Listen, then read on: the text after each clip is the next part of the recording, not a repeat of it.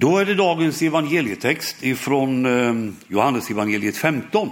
Det är sidan 769 i biblarna. 769. Och vi står upp när vi lyssnar på texten.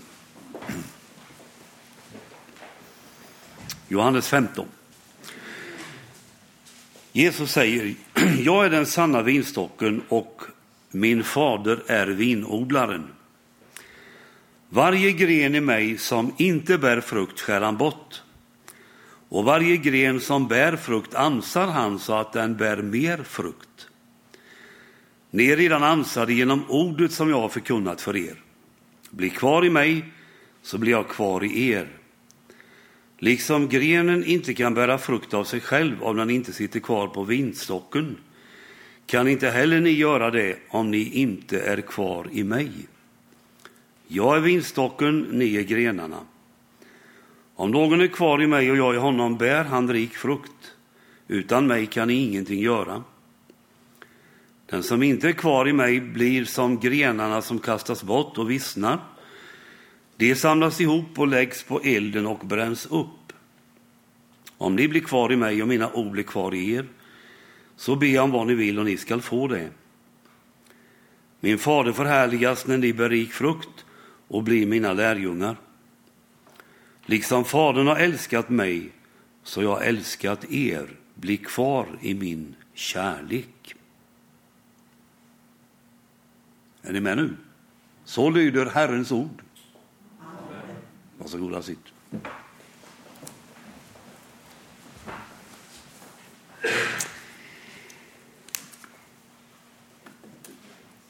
Den text som vi har läst, och en välkänd text, finns i det eh, avsnitt i Bibeln som kallas för Jesu avskedstal eller avskedstalet. Det är kapitel 14 till och med 17 i Johannesevangeliet.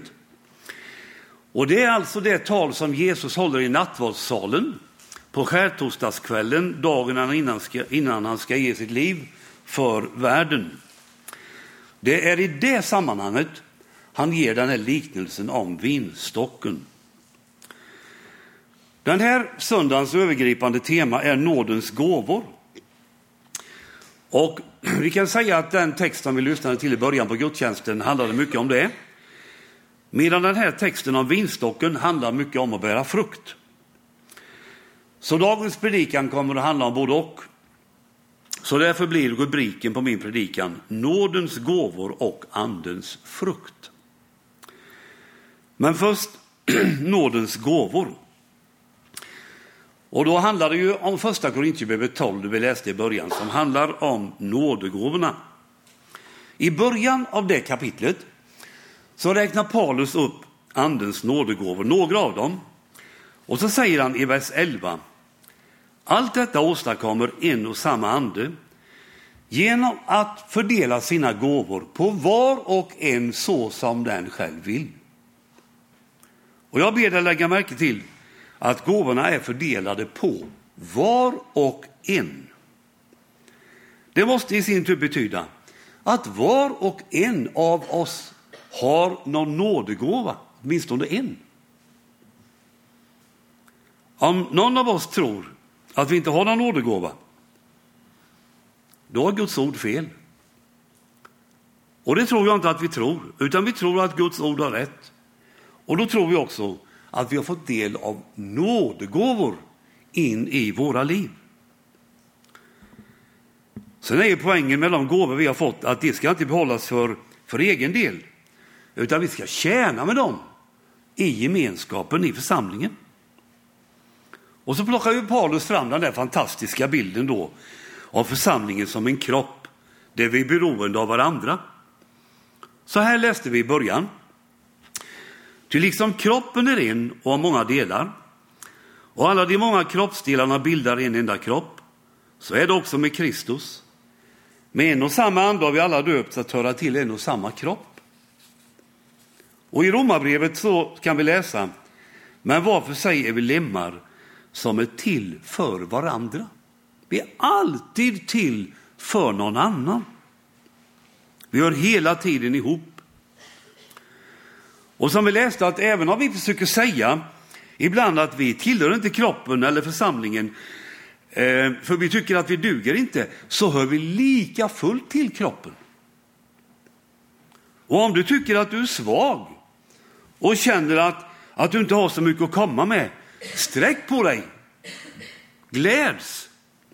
För så här står det ju, de delar av kroppen som verkar svagast är nödvändiga. Du behövs. Alla behövs. Och den stora hemligheten är ju att när vi är svaga, det är då Gud kommer åt med sin kraft.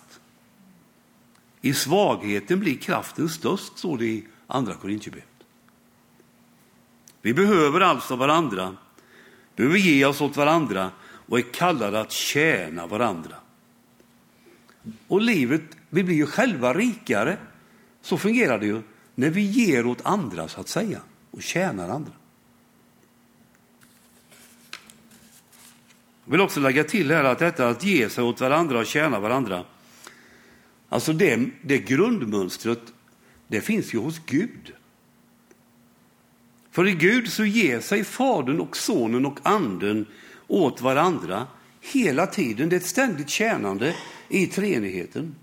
Och det är grunden för vårt tjänande i församlingskroppen och i gemenskapen. För det andra, andens frukt. Och nu glider vi in på, på dagens evangelietext, då Johannes 15. Och det handlar ju om att våra liv kan bära frukt. Och om vi frågar vad det är för slags frukt som vi kan bära, då tror jag det svaret finns i Galaterbrevet 5. Där står det om andens frukt som kan växa fram i våra liv. Och andens frukt är, lyssna nu, kärlek, glädje, frid, tålamod, vänlighet, godhet, trofasthet, ödmjukhet, självbehärskning. Det är andens frukt. Och tänk att våra liv kan präglas av detta. Om vi nu tänker på nådens gåvor och andens frukt så tror jag det är väldigt viktigt att de gåvor vi har fått att tjäna varandra med, att de hela tiden paras med eller genomsyras av andens frukt. Inte minst av kärleken. För om inte gåvorna genomsyras av det så finns det en risk att vi slår varandra i huvudet med gåvorna. Att vi blir kaxiga över en viss gåva och blir dömande, ser ner på andra. Därför måste nådens gåvor alltid präglas av andens frukt. Ett tydligt exempel på, på detta finns i första Korintierbrevet. För där är det så att kapitel 12 och kapitel 14 handlar om nådens gåvor. Däremellan finns kapitel 13 som handlar om, som, om andens frukt, kärleken. Och då visar det att detta hör ihop. Alltså gåvorna måste balanseras upp med andens frukt. Du och jag kan alltså bära god frukt, andens frukt i våra liv. Det är en oändlig möjlighet, tänker jag. På Ikea det går det att köpa varmkorv, fem kronor tror jag det är fortfarande, om inte det har höjt den i sommar, för korv med bröd. För många år sedan så frågade man Ingvar Kamprad om det inte var dags att höja korvpriset.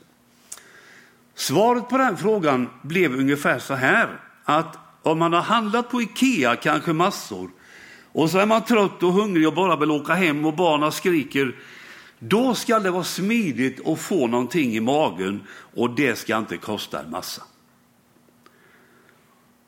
Och så var poängen denna, som man också sa då. Det handlar om vad man får med sig för eftersmak. Är eftersmaken från Ikea god, då kommer man tillbaka. Hörrni, våra liv kan vara bärare av andens frukt så att vi lämnar en god eftersmak. En doft som doftar Kristus. Träd och buskar bär frukt.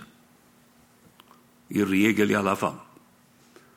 Själv har jag fått vara med om att plocka blåbär och vinbär i år. Och när vi får skörda frukten i våra trädgårdar och ute i markerna, då är det ju liv och glädje och tacksamhet. En av våra sommarsalmer i psalmboken kopplar samman detta med träden och våra egna liv. Så här står det i psalm 200, vers 7. Liksom ett träd i sol och regn, så låt min själ i andens hägn få växa alla dagar, den sommar som av nåd jag får. Gud, låt mig bära frukt i år, den frukt som dig behagar. Den bönen får vi be och lita på, att Gud gör något genom oss. Inte att vi gör något för honom, utan han gör något genom oss, genom dig. För det tredje, hur blir det god frukt i våra liv? Och på den frågan finns det utifrån texten, tänker jag, ett svar. Och det svaret är två ord. Bli kvar. Bli kvar. Och nu kommer jag läsa lite av texten en gång till. Lyssna nu på de här orden bli kvar eller förbli. Från vers 4. Bli kvar i mig, så blir jag kvar i er. Liksom grenen inte kan bära frukt av sig själv om den inte sitter kvar på vinstocken, kan inte heller ni göra det om ni inte är kvar i mig. Jag är vinstocken, ni är grenarna. Om någon är kvar i mig och jag i honom bär han rik frukt. Utan mig kan ni ingenting göra. Den som inte är kvar i mig blir som grenarna som kastas bort och vissnar. De samlas ihop och läggs på elden och bränns upp. Om ni blir kvar i mig och mina ord blir kvar i er, så be om vad ni vill och ni ska få det. Min fader förhärligas när ni bär rik frukt och blir mina lärjungar. Liksom Fadern har älskat mig så har jag älskat er.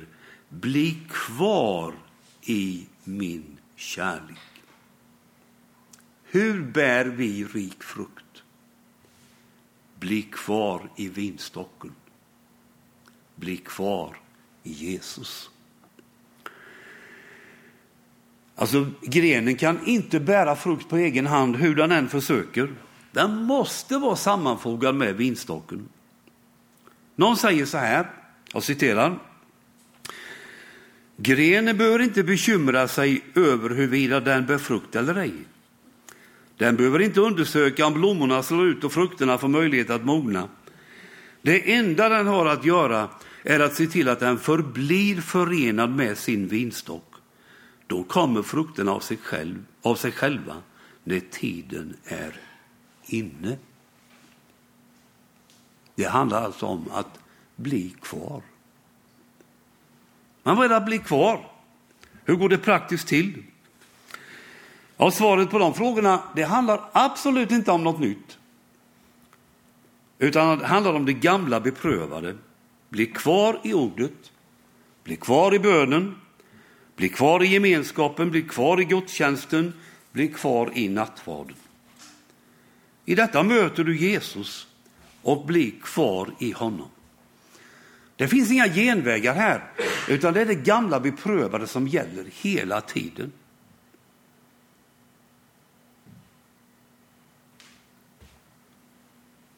Det finns en mening i texten där Jesus säger utan mig kan ni ingenting göra. Vad menar han med det? För visst tänker jag i alla fall att ja, vi kan äta och sova och gå och springa och jobba eh, hyfsat utan att vara så sammankopplade med Jesus. Va? Vad menar han? Jo, han menar att utan honom kan vi inte göra någonting av verkligt värde. Utan Jesus kan vi inte bära frukt som består. Det handlar om att bli kvar i honom. Och detta att vara en gren i vinstocken, att vara sammankopplad med Jesus, det är en ofattbar gåva. Och denna gåva kan bli ja, mer och mer och djupare och djupare i oss. Och jag vill säga så här, du har den heliga ande i ditt inre. Det läste vi i Korintierbrevet. En och samma ande har vi alla döpts. Du har den heliga ande. Och man gläds åt det. Vidga ditt hjärta mer och mer. Bli fastare i vinstocken. Bli kvar. Och så har jag en fjärde punkt. Målet med att, vi, att bära frukt. Jag tänker så här att den frukt som våra liv ger, den Kristusdoft vi sprider, den kan, få, den kan andra smaka av och så vända sig till Gud.